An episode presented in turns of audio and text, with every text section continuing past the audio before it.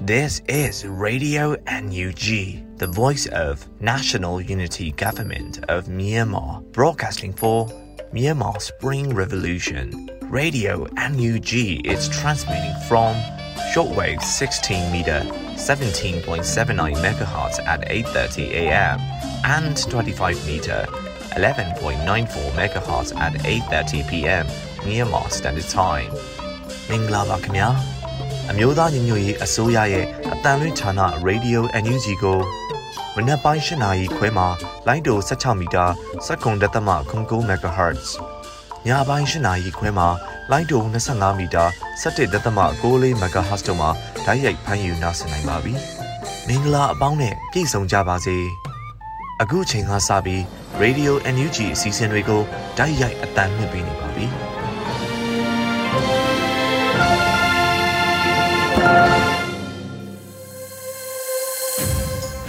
မြန်မာနိုင်ငံသူနိုင်ငံသားအပေါင်းတဘာဝဘေးစစ်အာဏာရှင်ဘေးတို့ကနေကင်းဝေးပြီးကိုစိတ်နှပါဘေးကင်းလုံခြုံကြပါစေလို့ရေဒီယိုအန်ယူဂျီနဲ့အဖွဲ့သားများကဆုတောင်းမေတ္တာပို့သလိုက်ရပါတယ်ခင်ဗျာ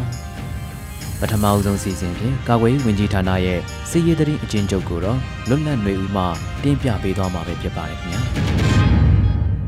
ကာကွယ်ရေးဝန်ကြီးဌာနမှထုတ်ပြန်သောနေ့စဉ်စစ်ရေးသတင်းကျဉ်းချုပ်ကိုတင်ပြပေးပါမယ်တိုက်ပွဲများမှာအကြမ်းဖက်စစ်ကောင်စီ ရန်သူတပ်သား12ဦးသေဆုံးပြီး9ဦးထိခိုက်ဒဏ်ရာရရှိခဲ့တယ်လို့သတင်းရရှိပါတယ်။အဆိုပါအာနာသိန်းအကြမ်းဖက်စစ်တပ်နဲ့တိုက်ပွဲဖြစ်ပွားမှုသတင်းများမှာမကွေးတိုင်းမှာဇန်နဝါရီလ29ရက်နေ့ည9နာရီခန့်ကတရက်မြို့နယ်တရက်မြို့ရှိမြို့မရဲစခန်းအားပြည်သူ့ကာကွယ်ရေးတပ်မတော်တရက်ခရိုင်အမှတ်၄တပ်ရင်းတရက်မင်းတုံးကမ္မပကဖတပ်ရင်း Eagle Force ကရှစ်ထွက်မိုင်းနှလုံးနဲ့ဖောက်ခွဲတိုက်ခိုက်ခဲ့တာကြောင့်ရန်သူတပ်ဖွဲ့များစွာ ထိခိုက်သေဆုံးနိုင်ကြောင်းသိရပါတယ်။ဇန်နဝါရီလ29ရက်နေ့ည9:45မိနစ်ခန့်ကရေစကြိုမြို့နယ်ရေလဲကျွန်းဒေသရှိရန်သူတပ်ဖွဲ့ဝင်များနဲ့ပြူစောတိတပ်ဖွဲ့ဝင်များစုဝေးတီရှိရာမင်းရွာသို့ပြည်သူ့ကာကွယ်ရေးတပ်မတော်ပခုတ်ကူခရိုင်တပ်ရင်းများနဲ့ရေစကြိုမြို့နယ်အခြေစိုက်ဒေသကာကွယ်ရေးတပ်ဖွဲ့တို့ကဝင်ရောက်ကစီးနင်းတိုက်ခိုက်နိုင်ခဲ့တာကြောင့်ရန်သူတပ်ဖွဲ့ဝင်နဲ့ပြူစောတိတပ်ဖွဲ့ဝင်များစွာထိခိုက်သေဆုံးနိုင်ကြောင်းသိရပါတယ်။ ဇန်နဝါရီလ29ရက်နေ့မနက်9:40မိနစ်ခန့်ကမြိုင်မြို့နယ်တဲကြီးကျေးရွာသို့ရောက်ရှိလာသောရန်သူတပ်ဖွဲ့များနှင့်ပြူစောတိတပ်ဖွဲ့ဝင်များလိုက်ပါလာတဲ့ဖော်ကားလေးစီးကချီလျင်ရှစ်ပြေးစစ်ကြောင်းနဲ့အတူနေသက်ကျေးရွာဘက်ကိုဥတီထွက်ခွာခဲ့စဉ်မြိုင်မြို့နယ်ပြည်သူ့ကာကွယ်ရေးတပ်ဖွဲ့တပ်ရင်း1နဲ့မြိုင်မြို့နယ်အခြေစိုက်ဒေသကာကွယ်ရေးတပ်ဖွဲ့များကမိုင်းဆွဲတိုက်ခိုက်ခဲ့တာကြောင့်မိုင်းရှင်းလင်းရန် ချီလျင်စစ်ကြောင်းထိုးလာသောရန်သူတပ်သား2ဦးနေရာ၌ပင်သေဆုံးခဲ့ကြောင်းသိရပါတယ်။အဆိုပါစစ်ကြောင်းကိုမနက်7:20မိနစ်ခန့်ကထပ်မံမိုင်းဆွဲတိုက်ခိုက်ခဲ့ရာရန်သူတပ်သား9ဦးပြင်းထန်စွာထိခိုက်ဒဏ်ရာရရှိခဲ့ကြောင်းသိရပါတယ်။အဆိုပါစစ်ကြောင်းကိုညနေ9:35မိနစ်ခန့်ကကန်သစ်ကြေးရွာနာတွင်ထပ်မံမိုင်းဆွဲတိုက်ခိုက်ခဲ့ရာရန်သူတပ်သား10ဦးသေဆုံးပြီး2ဦးပြင်းထန်စွာဒဏ်ရာရရှိခဲ့ပါတယ်။ ဇန်နဝါရီလ29ရက်နေ့နေ့လယ်2:45မိနစ်ခန့်ကပေါက်မြို့နယ်ရာကြီးပြင်ကြေးရွာမှပေါက်မြို့သို့ထွက်ခွာလာသောရန်သူအရာရှိဘိုးထိန်လင်းစိုးနှင့်တပ်ဖွဲ့ဝင်များလိုက်ပါလာသည့်အဖြူရောင်မတ်တူအင်စီကာဒစီအားအုံတော်ရွာနီးလမ်းပိုင်းတနေရာတွင်မြိုင်မြို့နယ်ပြည်သူ့ကာကွယ်ရေးတပ်ဖွဲ့မြိုင်ပကဖတပ်ရင်း1ပေါက်မြို့နယ်အခြေစိုက်ဘိုးတစီအဖွဲ့ပေါက်မြို့နယ်ကြေးရွာကာကွယ်ရေးအဖွဲ့များနဲ့ရောဒေတာကာကွယ်ရေးတပ်ဖွဲ့ဝင်များက စီးနင်းတိုက်ခိုက်ခဲ့တာကြောင့်ဘိုးအဆင့်ရှိသူထိန်လင်းစိုးနေရာ၌ပင်သေဆုံးခဲ့ပြီးရန်သူတပ်ဖွဲ့ဝင်တချို့ဒဏ်ရာဖြစ်ထွက်ပြေးလွတ်မြောက်သွားခဲ့က PDF ရဲဘော်တဦးတနတ်ထိမှန်ဒဏ်ရာရရှိခဲ့ပါတယ်။ရန်သူတပ်ထမ MA3 တလက်ကြီးပေါက်တစ်ခု MA3 ကြီး68တောက်အန်ကွန်တလုံးကြီးကားတစ်ထဲ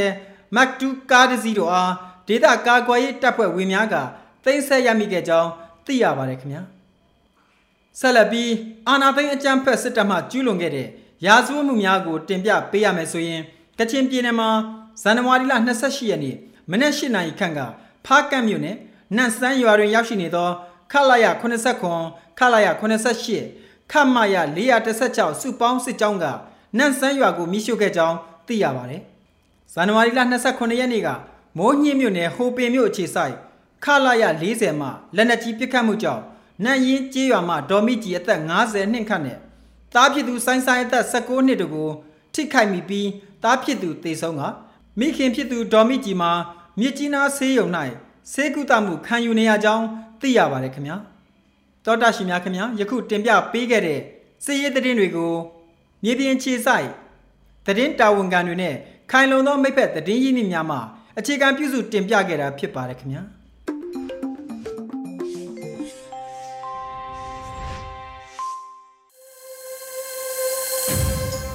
ရေဒီယို NUG မှဆက်လက်တန်လွှင့်နေပါတယ်။အခုတခါနောက်ဆုံးရသတင်းများကိုတော့ຫນွေဦးမိုင်မှတင်ပြပေးသွားမှာဖြစ်ပါတယ်ခင်ဗျာ မင်္ဂလာပါရှင်အခုချိန်ကစပြီး Radio NUG ရဲ့ဇန်နဝါရီလ29ရက်နေ့မနေ့ကင်းပြည်တွင်သတင်းများကိုတင်ပြပေးပါတော့မယ်ကျွန်မຫນွေဦးမိုင်ပါပထမဆုံး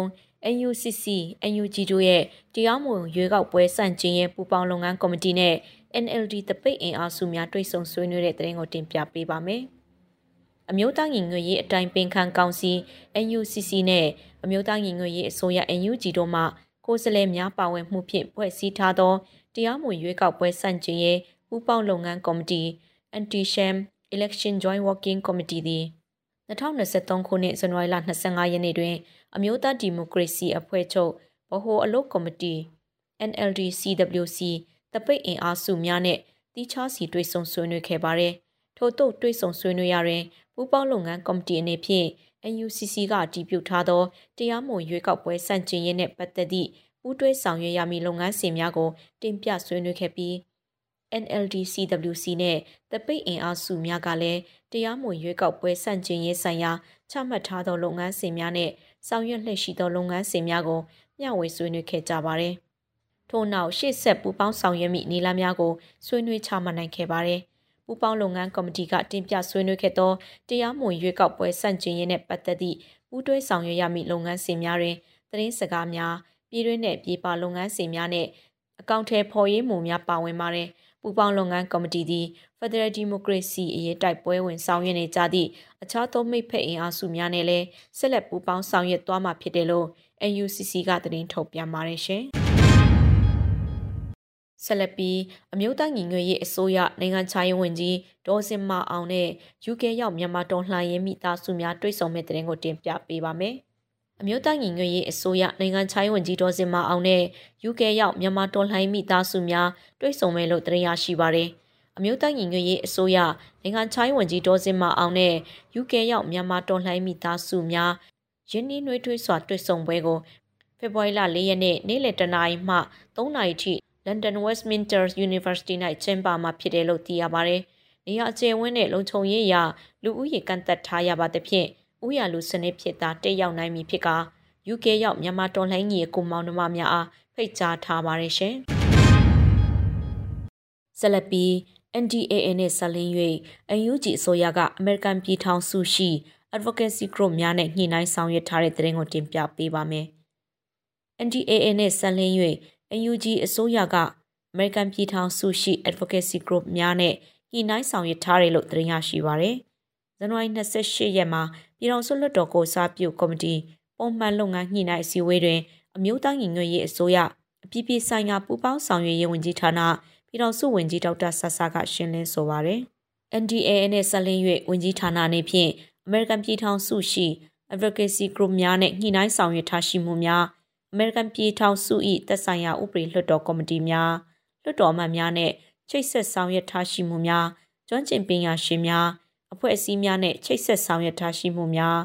၎င်းဥပဒေပြုခြင်းနဲ့ဆက်လင်း၍မဲပေးပိုင်ခွင့်ရှိသောအမေရိကန်ပြည်ထောင်စုပြည်သူများနဲ့ဆက်သွယ်ဆောင်ရွက်ထားရှိမှုမီဒီယာများနဲ့ talk show များတွင်ဆောင်ရွက်ထားရှိမှုများ NDAA အတည်ပြုလာခြင်းအတွက်တုံ့ပြန်လာနိုင်သောကိစ္စရပ်များအားအခြေတဝင့်ပြည်ထောင်စုဝန်ကြီးကရှင်းလင်းပြောကြားခဲ့ပါတယ်။ အစည်းအဝေးတွင်ပြည်ထောင်စုလွှတ်တော်ကိုစားပြုကော်မတီဥက္ကဋ္ဌဦးအောင်ကြည်ညွန့်က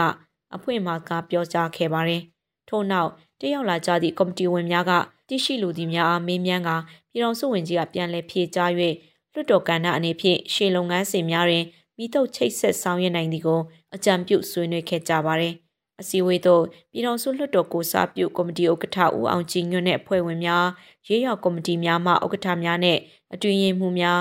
ပြည်ပြည်ဆိုင်ရာပူးပေါင်းဆောင်ရွက်ရေးဝန်ကြီးဌာနပြည်ထောင်စုဝန်ကြီးဒေါက်တာဆာဆာတို့တက်ရောက်ခဲ့ကြပါတယ်ရှင်။ဖေဖော်ဝါရီ၁ရက်နေ့အပြင်မထွက်စိတ်ငင်သက်ချင်းတပိတ်ကိုလူထုပါဝင်ဆင်နွှဲကြဖို့ပြည်ထောင်စုဝန်ကြီးဒေါက်တာဇော်ဝေဆိုတိုက်တွန်းတဲ့သတင်းကိုဆက်လက်တင်ပြပေးချင်ပါတယ်။ပြည်သူ့ຫນွေတော်လှန်နှစ်နှစ်ပြည့်လူထုတိုက်ပွဲအပြင်းမထွက်တိတ်ဆိတ်ငြိမ်သက်ချင်းတပိတ် Silent Strike တွင်ပူပေါင်းပါဝင်ကြရန်ပြည်ထောင်စုဝန်ကြီးဒေါက်တာဇော်ဝေဆိုကဇန်နဝါရီ28ရက်မှာဆိုပါတယ်။ ယခုလာမယ့်ဖေဖော်ဝါရီ၁ရက်နေ့ဆိုရင်ကျွန်တော်တို့တော်လှန်ရေးနှစ်နှစ်ပြည့်တော်မှာဖြစ်ပါတယ်။ဒီနှစ်နှစ်တော်လှန်ရေးအတွင်းမှာကျွန်တော်တို့တို့ရဲ့စွန့်လွတ်စွန့်စားမှုတွေနဲ့တော်လှန်ရေးဟာအရှင်ဟိုတစ်ခုအနေနဲ့တဆင့်ပြီးတဆင့်တက်၍ပေါ်ပေါက်လာနေပြီဖြစ်ပါတယ်။ကျွန်တော်တို့ရဲ့ရည်မှန်းချက်ဖြစ်တဲ့စစ်အာဏာရှင်ဖြုတ်ချပြီး Federal Democracy နိုင်ငံတည်ထောင်နိုင်ဖို့အတွက်တဆင့်ပြီးတဆင့်တလှမ်းပြီးတလှမ်းခြေလှမ်းများနဲ့အဆင့်တဆင့်တက်ပြီးအောင်မြင်မှုတွေရရှိနေပြီပဲဖြစ်ပါတယ်။ ဒီလိုချိန်မှာပြည်သူတအုပ်ချင်းတယောက်ချင်းအနေနဲ့စစ်ကောင်စီကိုထောက်ခံနေခြင်းမရှိဘူးဆိုတာနားလည်သဘောပေါက်ပါတယ်။ဖေဖော်ဝါရီတရက်နေ့မှာတော့အပြည့်မထွက်စိတ်ငင်သက်ချင်းတပိတ်ကိုပါဝင်ဆင်နွှဲကြဖို့နှိုးဆော်လိုပါတယ်လို့ဝင်းကြီးကဆိုပါတယ်ဖေဖော်ဝါရီတရက်2023ခုနှစ်နနက်10:00နာရီမှညနေ3:00နာရီအတွင်းအပြည့်မထွက်စိတ်ငင်သက်ချင်းတပိတ်ကိုတတိုင်းပြည်လုံးအတိုင်းတာနဲ့ဆင်နွှဲမှာဖြစ်ပါတယ်ရှင်ဆလပီ ခင်ဦးမြို့နယ်ရွာသစ်ကျေးရွာကိုစကောင်စီတပ်များတောင်းချမ်းမှွေနောက်ကမိရှုဖျက်ဆီးရဲ့တဲ့ရင်ကိုတင်ပြပေးပါမယ်။စကိုင်းတိုင်းခင်ဦးမြို့နယ်ရွာတစ်ကြီးရွာကိုစစ်ကောင်စီတပ်များတောင်းချမ်းမှွေနောက်ကမိရှုဖျက်ဆီးခဲ့ပါတယ်။ဇန်နဝါရီ28ရက်မှာခင်ဦး Special Force Organization KSO ကတည်ပေးဖော်ပြပါတယ်။ခင်ဦးမြို့နယ်အနောက်တောင်ချမ်း Impact ကွေအထိုင်ချစစ်ကောင်စီတပ်နဲ့ပြူ30ခန့်ဟာရွာတစ်ကြီးရွာတွင်တနက်များရန်တမ်းပစ်ခတ်ဝင်ရောက်၍ ပြည်သူပိုင်တဲ့အိမ်များအားမိရှုခဲ့ပါတယ်လို့ဆိုပါတယ်။2022ခုနှစ်ဒီဇင်ဘာလ31ရက်နေ့ထိစစ်အာဏာသိမ်းကာလတွင်စစ်ကောင်စီနှင့်လက်အောက်ခံအဖွဲ့အစည်းများကမိရှုဖျက်ဆီးမှုကြောင့်အယက်သားပြည်သူနေအိမ်48,463လုံးပျက်စီးဆုံးရှုံးခဲ့ရပါတယ်။ထိုထဲတွင်စကိုင်းတိုင်းမှာ36,668လုံးမကွေးတိုင်းမှာ8,585လုံး ချင်းပြည်နယ်မှာ1,485လုံးနဲ့ကြံပြည်နယ်နဲ့တိုင်းတွေမှာ1,946လုံးပျက်စီးဆုံးရှုံးခဲ့ရပါတယ်ရှင်။ဆက်လက်ပြီးတက်မ40ခွန်ကွန်မန်ဒိုထောက်လှမ်းရေးအရာရှိဗိုလ်ကြီးတအုပ်ကိုမိုးကောင်းမြို့နယ်ပြည်သူ့ကာကွယ်ရေးအဖွဲ့ UG Black Care မှဖမ်းဆီးရမိတယ်လို့ဆိုတဲ့သတင်းကိုတင်ပြပေးပါမယ်။တက်မ40ခွန်ကွန်မန်ဒိုထောက်လှမ်းရေးအရာရှိဗိုလ်ကြီးတအုပ်ကိုမိုးကောင်းမြို့နယ်ပြည်သူ့ကာကွယ်ရေးအဖွဲ့ UG Black Care မှဖမ်းဆီးရမိတယ်လို့ဆိုပါတယ်။ ဇန်နဝါရီ28ရက်မှာမိုးကောင်းမြို့နယ်ပြည်သူ့ကာကွယ်ရေးအဖွဲ့ UG Black Care မှအတိပေးဖော်ပြပါတယ်။ဇန်နဝါရီ28ရက်မွန်လေး12:15အချိန်တွင်တက်မ40ခုမှကွန်မွန်ထောက်လိုင်းရေးအရာရှိဘိုးကြီးပိုင်သူဆိုခေါ်မင်းစစ်နိုင်ကိုကျွန်တော်တို့မိုးကောင်းမြို့နယ်ပြည်သူ့ကာကွယ်အဖွဲ့ UG Black ခဲမှဖမ်းဆီးရမိခဲ့လို့ထုတ်ပြန်ပါတယ်။2022ခုနှစ်ဒီဇင်ဘာ24ရက်နေ့ကလည်းမိုးကြီးအဆင့်ဖြင့်တာဝန်ထမ်းဆောင်ပြီးအရက်ဖက်ရေးအရာရှိတို့ပြောင်းလဲက ဒွန်ပတ်ချင်းထောင်မှုပူကြီးကင်စလျံကိုနေအိမ်တို့ဝင်ရောက်ဖမ်းဆီးခဲ့ပါသေးတယ်ရှင်။ဆက်လက်ပြီးစကိုင်းတိုင်းကမ်လိုမျိုးနယ်ဇာတိကျေးရွာအားစစ်ကောင်စီတပ်များနဲ့ပြူများလာရောက်စီဝေလုံးနေစဉ်ကာကွယ်တပ်များကလက်နက်ကြီးနဲ့ပစ်ခတ်တဲ့တဲ့ရင်ကိုတင်ပြပေးပါမယ်။စကိုင်းတိုင်းကမ်လိုမျိုးနယ်ဇာတိကျေးရွာအားစစ်ကောင်စီတပ်များနဲ့ပြူများလာရောက်အစီဝေလုံးနေစဉ်ကာကွယ်တပ်များကလက်နက်ကြီးနဲ့ပစ်ခတ်ခဲ့ပါတယ်။ဇန်နဝါရီ28ရက်မှာစစ်ရေးတရင်ကို ကမ်ဘလူစုံရဲအဖွဲ့ကတီးပြဆိုပါတယ်ကမ်ဘလူမျိုးနယ်ဇာတိပြူကျေးရွာအားစစ်ကောင်စီတပ်များနဲ့ပြူများလာရောက်စီဝေးလုံးနေစဉ်ကမ်ဘလူမျိုးနယ်တောင်ချမ်းရှိတော်လှန်ရေးအင်အားစုများမှတက်ကြွရာနီးပညာများဖြင့်ပြုလုပ်ထားသောလက်နက်များဖြင့်တိုက်ခိုက်ခဲ့ကြပြီးကမ်ဘလူ MDF စွန်ရဲမှလည်းရော့ကက်များဖြင့်ပစ်ခတ်တိုက်ခိုက်ခဲ့လို့ဆိုပါတယ်တိုက်ခိုက်မှုကြောင့်စစ်ကောင်စီတပ်နဲ့ပြူများအထိခိုက်ကြဆုံးများရှိနိုင်တော့လဲအတီးပြုတ်ဆုံစားနေဆဲဖြစ်ပါတယ်ရှင်။ တနင်္သာရီရုံမှပြည်သူ့ကာကွယ်ရေးအဖွဲ့နဲ့အကြမ်းဖက်စစ်တပ်တို့၃ရက်တာတိုက်ပွဲပြင်းထန်ရာအကြမ်းဖက်စစ်တပ်က25ဦးထပ်မံတေဆုံးတဲ့တရင်ကိုဆက်လက်တင်ပြပေးပါမယ်။တနင်္သာရီရုံမှပြည်သူ့ကာကွယ်ရေးအဖွဲ့နဲ့အကြမ်းဖက်စစ်တပ်တို့၃ရက်တာတိုက်ပွဲပြင်းထန်ရာအကြမ်းဖက်စစ်တပ်က25ဦးထပ်မံတေဆုံးခဲ့ပါတယ်။ဇန်နဝါရီ28ရက်နေ့မှာစစ်ရေးတရင်ကိုတနင်္သာရီရုံမှပြည်သူ့ကာကွယ်ရေးအဖွဲ့ကတီးပြဆိုပါတယ်။တနင်္သာရီရုံမှပြည်သူ့ကာကွယ်ရေးအဖွဲ့ဟာဇန်နဝါရီ23ရက်24ရက် 25ရက်နေ့များတွင် PDF တက်တနိမ့်တိုင်ပါကဖာရိုနဲ့ပူးပေါင်းကစစ်ကောင်စီတရင်တပ်ဖွဲ့များကိုတွားရောက်တိုက်ခိုက်ခဲ့ပါတယ်လို့ဆိုပါတယ်။အဆိုပါ3ရက်ကြာတိုက်ပွဲတွင်ပူးပေါင်းအဖွဲ့မှရဲဘော်3ဦးမြင့်မြတ်စွာတက်ပစ်ခဲ့ရပြီးစစ်ကောင်စီတပ်ဘက်က25ဦးခန့်သေဆုံးကအများပြဒဏ်ရာရရှိခဲ့ကြောင်းဆိုပါတယ်ရှင်။အရာတော်မြို့နယ်တလဲပါရွာတိုက်ပွဲအကြမ်းဖက်စစ်တပ်ကအယောက်20နီးပါးထိခိုက်ဒေဆုံးနိုင်တဲ့တဲ့ရင်ကိုဆက်လက်တင်ပြပေးပါမယ်။ စကိုင်းတိုင်းအရာတော်မြို့နယ်တလေးပါရွာတိုက်ပွဲအကြမ်းဖက်စစ်တပ်ကအယောက်20နီးပါးထိခိုက်ဒေဆုံးနိုင်တယ်လို့ဆိုပါတယ်။ဇန်နဝါရီ28ရက်မှာစစ်ရေးတဲ့ရင်ကို GTR MMU အဖွဲ့ကအတည်ပြုဆိုပါတယ်။ဇန်နဝါရီ29ရက်နေ့တွင်အရာတော်မြို့နယ်တလဲပါပြူရွာတွင် အထိုင်ချတပ်ဆွဲထားသောစစ်ကောင်စီတပ်များအားဝင်ရောက်တိုက်ခိုက်ခဲ့ပါတယ်။စစ်ကောင်စီတပ်က2ဦးဟာ GTR MMU ၏လက်ဖြောင့်တပ်သားမှ စနိုက်ပါဖြင့်ပစ်ခတ်ရှင်းလင်းနိုင်ခဲ့ပြီးပြူရွာအားဝင်ရောက်စီးနင်းနိုင်ခဲ့ပါတယ်။ခံပန်းချေအယောက်20ခန့်ရှင်းလင်းနိုင်ခဲ့ပါတယ်လို့ဆိုပါတယ်။အဆိုပါစစ်စင်ရေးကို GTR MMU MMDF စကိုင်းခရိုင်တပ်ရင်း1တပ်ရင်း2မြင်းချံခရိုင်တပ်ရင်း6တပ်ရင်း9မုံရွာခရိုင်တပ်ရင်း6တပ်ရင်း21ဒေသခံပကဖာနဲ့မဟာမိတ်အဖွဲ့များမှပူးပေါင်းတိုက်ခိုက်ခဲ့ပါတယ်ရှင်။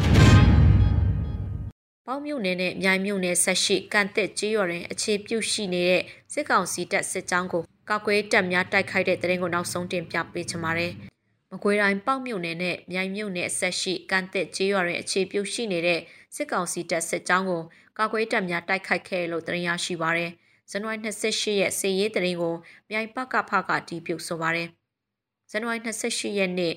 9:10မိနစ်အချိန်မှစတင်ပြီးပေါမြို့နယ်နဲ့မြိုင်မြို့နယ်ဆက်ရှိ ကန်တက်ကျေးရွာတွင်မြိုင်ပကဖတက်ရင်တင်တဲ့ပေါကျေးရွာကာကွယ်ရေးအဖွဲ့များပူးပေါင်း၍ drone ဖြင့်ဣနကဘုံသီး18လုံးဖြင့်၎င်းကျေးရွာတွင်အခြေပြုနေသောစစ်ကြောင်းအားတိုက်ခိုက်ခဲ့ပါလို့ဆိုပါတယ်။ထို့နောက်မနက်9:50အချိန်ကန်တက်ကျေးရွာမှထွက်ခွာရာတွင်ဘူရာအနီးရှိတဲအားစစ်ကြောင်းကမိရှု၍ဆက်လက်ထွက်ခွာရာမိုင်းပွိုင်2ပွိုင်မိုင်းဆက်တလုံးဖြစ်တိုက်ခိုက်ခဲ့ရာစစ်ကောင်စီတပ်များထိခိုက်မှုရှိခဲ့ပါတယ်။ အလားတူဖော်ကာလေးစီနဲ့စစ်ကြောင်းမှာဖြည်းဖြည်းချင်းရွှေ့လာလာပြီးစစ်ကြောင်းအားဖလန်ကိုင်းစခန်းမှ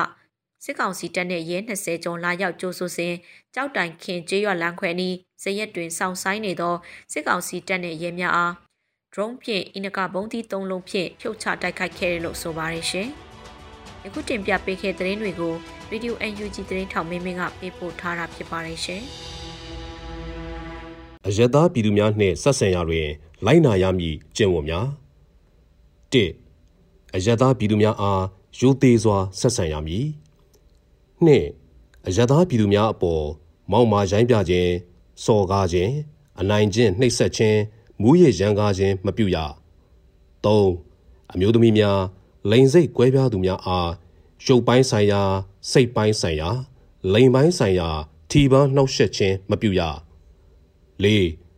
အရေးပေါ်လိုအပ်ချက်အရ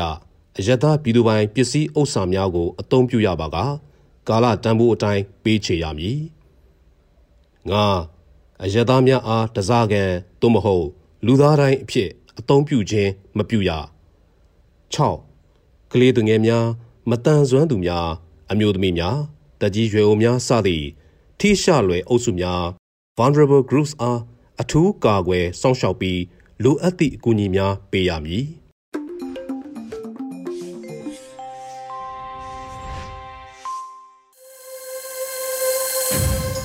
Radio NUG မှဆက်လက်ထုတ်လွှင့်ပေးမှာကတော့ကာကွယ်ရေးဝန်ကြီးဦးရင်မွန်ရဲ့နှွေဦးတော်လှန်ရေးနှစ်နှစ်ပြည့်စကားသံပဲဖြစ်ပါတယ်ခင်ဗျာ။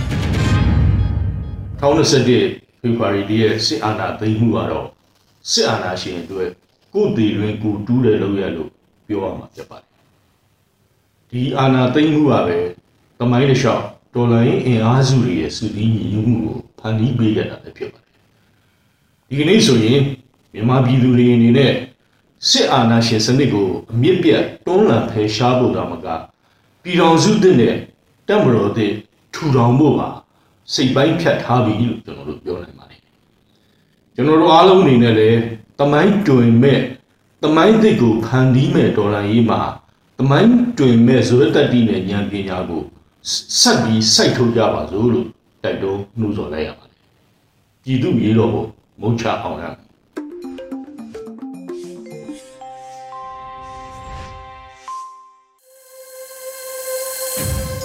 အခုထုတ်လွှင့်ပေးမယ့်အစီအစဉ်ကတော့နေ့စဉ်သတင်းများဖြစ်ပြီးထထအင်ဒရာအောင်မှတင်ပြပေးသွားမှာပဲဖြစ်ပါတယ်ခင်ဗျာ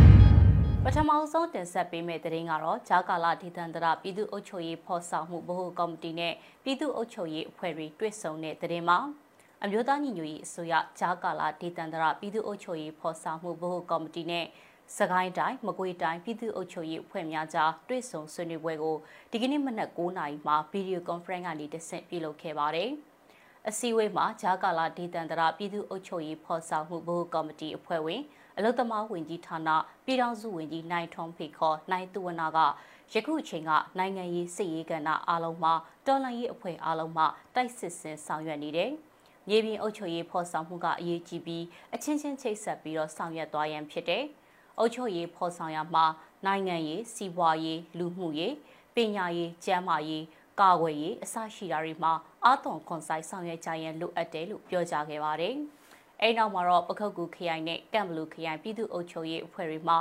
ခရိုင်တွင်းနေမြေကွင်းစင်စစ်ဆေးမှုများအပေါ်လုပ်ငန်းဆောင်ရွက်မှုများအကြံပြုချက်သုံးသက်ချက်များကိုချပြရှင်းလင်းပြောကြားခဲ့ပါတယ်။ဆက်လက်ပြီးစကိုင်းတိုင်းမကွေးတိုင်းမှာရှိတဲ့ပြည်သူ့အုပ်ချုပ်ရေးအဖွဲ့တွေကမြေပြင်ကြုံတွေ့နေရတဲ့အခက်အခဲတွေနဲ့သိရှိလိုတာတွေကိုဆွေးနွေးခဲ့ကြကသက်ဆိုင်ရာဌာနလိုက်တာဝန်ရှိသူတွေကပြန်လည်ဖြေကြားပေးခဲ့ပါတယ်။ အစည်းအဝေးကိုဂျာကာလာဒေသန္တရပြည်သူ့အုပ်ချုပ်ရေးဖော်ဆောင်မှုဗဟိုကော်မတီဝင်ပြည်ထောင်စုဝန်ကြီးများဒုတိယပြည်ထောင်စုဝန်ကြီးများအမြင့်ရန်အတွဲဝင်များတွဲဘက်အမြင့်တဲ့အတွင်းဝင်များဌာနဆိုင်ရာအသီးသီးမှတာဝန်ရှိသူများစကိုင်းတိုင်းမကွေးတိုင်းပြည်သူ့အုပ်ချုပ်ရေးအဖွဲ့ခေါင်းဆောင်များအဖွဲ့ဝင်များတက်ရောက်ခဲ့ကြတယ်လို့ပြည်ထောင်စုလူဝင်မှုကြီးကြပ်ရေးဝန်ကြီးဌာနကသတင်းထုတ်ပြန်ပါတယ်။ မြန်မာကျန်းဖတ်စစ်တပ်ရဲ့ရက်စက်မှုတွေကိုရပ်တန့်ဖို့ကဘာကြီးကကူညီတင်ပြီလို့လူခွင့်ရေးဆိုင်ရာမဟာမေကြီးပြောကြားလိုက်တဲ့သတင်းကိုတင်ဆက်ပေးပါအောင်မယ်။မြန်မာပြည်သူတွေလက်ရှိရင်ဆိုင်နေရတဲ့အခက်အခဲဒုက္ခတွေအတွက်ကုလသမဂ္ဂလူခွင့်ရေးအဖွဲ့တွေကိုဝင်ခွင့်ပြုရမယ်လို့ကုလသမဂ္ဂလူခွင့်ရေးဆိုင်ရာမဟာမင်းကြီးကပြောဆိုလိုက်ပါတယ်။မြန်မာပြည်သူတွေကိုကာကွယ်ပေးဖို့စစ်တပ်မှတာဝန်ရှိပေမဲ့ မြန်မာစစ်တပ်ဟာနိုင်ငံတကာဥပဒေတွေကိုလိလိရှုပြီးတော့ရန်လုံမှုတွေလုပ်နေတယ်လို့ကုလလူခွင့်ရေးဆိုင်ရာမဟာမင်းကြီးကပြောကြားလိုက်တာပါစစ်တပ်ဟာအပြစ်မဲ့ပြည်သူတွေကိုအမြောက်တက်နဲ့လေကြောင်းကနေပါတိုက်ခိုက်နေပါတယ်ရွာလုံးကျွတ်မီးရှို့ခံရမှုတွေလည်းရှိနေပါတယ်တရားဥပဒေမဲ့ညှင်းဆဲနှိပ်စက်ခံနေရပါတယ်။ယုံကြည်ရတဲ့သတင်းရင်းမြစ်အရမြန်မာစစ်တပ်ရဲ့လက်ချက်နဲ့အပြစ်မဲ့ပြည်သူ2890ခန့်သေဆုံးခဲ့ပါတယ်။ဒါဟာအတိအကျမဟုတ်သေးပါဘူး။ မြန်မာနိုင်ငံသား1.2တန်းဟာလည်းနေရဆွန်ခွာခဲ့ရပြီးတော့လူ9000ကျော်ဟာနိုင်ငံရဲ့ပြည်ပကိုထွက်ပြေးကြရပါတယ်။နေအိမ်စီကံစတင်ကြောင်းနဲ့ဖျားချောင်းအပါဝင်အယတာအစာအုပ်3000ကျော်မိရှို့ခံခဲ့ရပါတယ်။မြန်မာနိုင်ငံသားထက်ဝက်နီးပါးဟာစင်းရဲမွဲတေမှုနဲ့အတူစီးပွားရေးတွေပြိုလဲသွားခဲ့ပါတယ်လို့သူကပြောပါတယ်2021ခုနှစ်ဖေဖော်ဝါရီလကစပြီးအကြမ်းဖက်စစ်တပ်ဟာတရားမမျှတတဲ့ဥပဒေတွေနဲ့တရားရုံးတွေမှာတရားစီရင်မှုတွေနဲ့ လူ့ခွင့်ရေးတွေကိုနေ့စဉ်ချိုးဖောက်နေသလိုအာဆီယံနဲ့သဘောတူညီထားတဲ့အချက်တွေကိုလည်းမထိမဲ့မြင်လုပ်နေတယ်လို့သူကပြောပါတယ်။ဒါကြောင့်မြန်မာနိုင်ငံမှာဒီမိုကရေစီပြန်လည်ရရှိမှသာမြန်မာနိုင်ငံကရက်ဆက်ကြမ်းကြုတ်တဲ့စစ်ဗိုလ်ချုပ်တွေကိုတွန်းလှန်နေတဲ့ပြည်သူတွေအတွက်အဆုံးသက်ကိုဖြစ်စေမှာဖြစ်တာကြောင့်အခုချိန်မှာကဘာကြီးအနေနဲ့အစုလိုက်ပြုံလိုက်တပ်ဖြတ်နေတဲ့မြန်မာစစ်တပ်ရဲ့လုပ်ရက်တွေကိုရပ်တန့်ပေးဖို့ မြန်မာပြည်သူတွေကိုကာကွယ်ပေးဖို့နဲ့လူ့ခွင့်ရေးကိုလေးစားလိုက်နာဖို့အတွက်စုပေါင်းကူညီလှုပ်ဆောင်ပေးကြဖို့အချိန်ကြာရောက်နေပြီလို့လည်းကုလသမဂ္ဂမဟာမင်းကြီးကတိုက်တွန်းလိုက်ပါတယ်။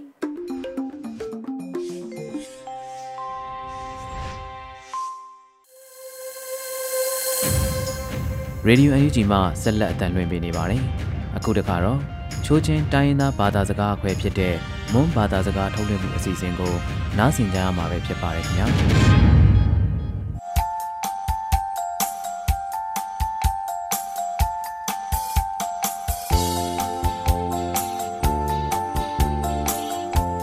ရီဒီယိုမင်ငိုင်ကနုပဖွေနက်တူနမရိုင်နော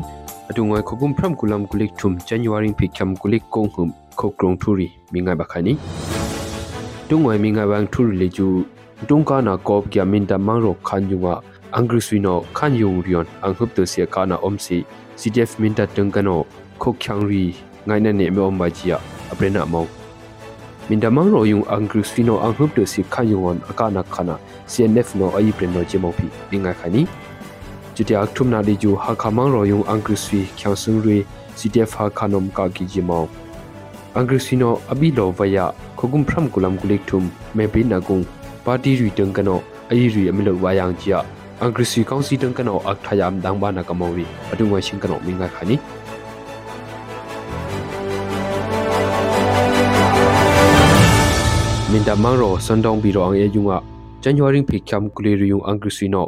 ခိုင်ယုံဟီယောနကနာဖွာအင်မဒီနာလာချန်စင်ရီအလီမနာအော့ကိနီခခုမ်ဖရမ်ဂူလမ်ဂူလိထုမ်ဇန်နဝါရီဖေချမ်ဂူလိထုမ်ဟုပ်ဂျုံဖီပလိထွီဘီရောင်အော့ကိယာ INDB ဘုံမင်ဒမန်အင်္ဂရိစီနောခိုင်ယုံအကဘာနာအော့ကိဂျာပရိကူနီအဂျူနာအင်္ဂရိစီနောခိုင်ယုံအကနာဖွာချန်စစ်ထုမ်လီမနေအင်မဒီနာလာ INDB ဘုံအင်မဒီနာအော့ကိဂျာခုချန်ရီတန်ကနောပရိကူနီဒူဘိုင်ခုကုမ်ဖရမ်ဂူလမ်ဂူလိထုမ်ဇန်နဝါရီဖေချာကရုံလေဂျူအင်္ဂရိစီနောဒုံကနာကောမ်စီ duman angrisino khayungon akabana opkija pritkuni ajuna angrisino khayungon akana phwa kyangsik thumlim ne im adina la INDB um im adina opkija khokhyang ridang gano pritkuni dubai khokum phram gulam gulik thum january phekya krung leju angrisino dungkana kom si khanyungon khredbi khada kalona opkija minta mangro mangro ugna tungano pritkini angrisino khayungon akana riong basleju မင်တမန်းရောမန်းရောဦးနာလာစီဒက်မင်တတန်ကနောခုတ်ချောင်းရီအထုံးစိငိုင်းနေမောမဘာကြီးငမီတန်ကနောပရစ်ကွနီမင်တမန်းရောအကရုံဘရီဘရီကဇန်နဝါရီဖေချာခရီလောကုံကနောဂုလိကထုံခုံဟုပ်စလင်းဟာလောကုံခန်ယုံဝါခရီဘီခဒအင်္ဂရစီနောကာနာအုပ်ကနီအဂျုနမယခန်ယုံရီယွန်အင်္ဂရစီနောကာနာခနာခုတ်ချောင်းရီအင်ရီလောင် အန်တီပင်းဘူမင်ရီချောင်းရီအကဒမ်အလင်နာအုပ်ကနီအင်္ဂရစီနောအဂျုနမယအကာနာကခန်လီဂျူ CNE CNF တန်ကနော angrisui tang kano amimata mamong lamri kang bu ba si khokchang ri khana amiyo kana kya kija january phikham kuling pha khu hu bom pritkini angrisui mai khaya tune federal democracy ra ba khida cnf tang kan chumpi mamong na khaja ngami no pritkini ha khamang ro chopuk amhunu january phikham kuling pha hum angrisui se he kot khyang sing ri cdf ha khanom ka gi ja pritkini ajuna mim kana gung ni ju hisne tumata se chumpi amirana opkija cdf hakano pritkini january picture shlik tumhum chumpi hakhamang ro si hong hunung opkia angrisui tuma cdf hakhanom kane poiba ga khyangsik thumleju alimna opkija phana opkini lokhaya khugum phram gulam gulik thum okasm tu bi khyayung angrisui no abi baya me bin akungngshudukia au chumpi mkana opkhajia cdf hakhano january picture kohum prena priopkini lokhaya khogum phram gulam gulitum august mdubi khyayung angrisina lechu me beneng shuna abilowaya akthalona opkini angrusia ku kayung opkya pithongzu ye ko boy commission dangkan jumpi upri akthai lechu january phikyam kulik khrum apren lona opkini achuna apren na kung lechu myama kho banung meng shu khaya party ri dangkano khonghup ko kip akrung kyangsung damkap at amim dang waila khunula khobung shudu khariya party dangkan lechu party kyangsung phya am dang lo bai chia brit kini chumung ka yene myama khovanung nushu du kharya party tang kano badia fanju ngidam kap phya sha myama khong op kya ngui khi tuma madung am dang bai chia brit kini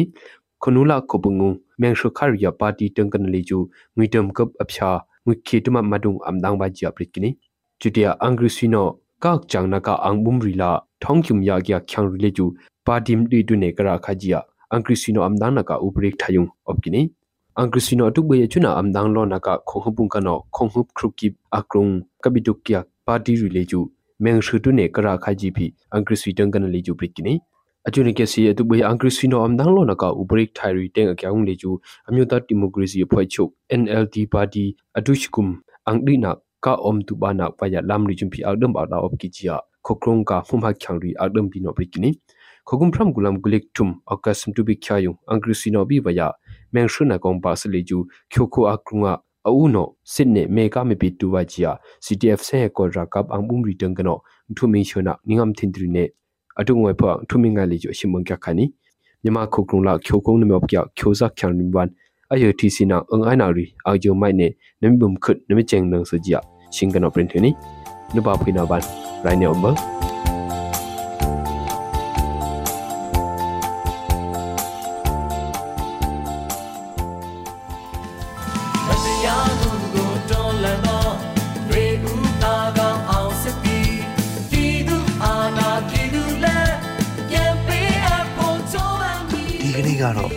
ဒီညနေပဲ Radio NUG ရဲ့အစည်းအဝေးကိုခਿੱတရနာလိုက်ပါမယ်။မြန်မာစံတော်ချိန်မနက်၈နာရီခွဲနဲ့ည၈နာရီခွဲအချိန်တွေမှာပြန်လည်ဆုံတွေ့ကြပါစို့။ Radio NUG ကိုမနက်ပိုင်း၈နာရီခွဲမှာလိုင်းဒို16မီတာစက္ကန့်တသမ9 MHz ညပိုင်း၈နာရီခွဲမှာလိုင်းဒို25မီတာ17သမ6 MHz တို့မှာဓာတ်ရိုက်ဖမ်းယူနားဆင်နိုင်ပါပြီ။မြန်မာနိုင်ငံသူနိုင်ငံသားများကိုယ်စိတ်နှပြကျန်းမာချမ်းသာလို့ဘေးကင်းလုံခြုံကြပါစေလို့ Radio NUG အဖွဲ့သူအဖွဲ့သားများကဆုတောင်းလိုက်ရပါတယ်။အမျိုးသားညီညွတ်ရေးအစိုးရရဲ့စက်သွေးရေးတရင်အချက်အလက်နဲ့ဤပညာဝန်ကြီးဌာနကထုတ်လွှင့်နေတဲ့ Radio NUG ဖြစ်ပါတယ်။ San Francisco Bay Area အခြေစိုက်မြန်မာမိသားစုများနဲ့နိုင်ငံတကာကစေတနာရှင်များလုပ်အားပေးများရဲ့ Radio NUG ဖြစ်ပါတယ်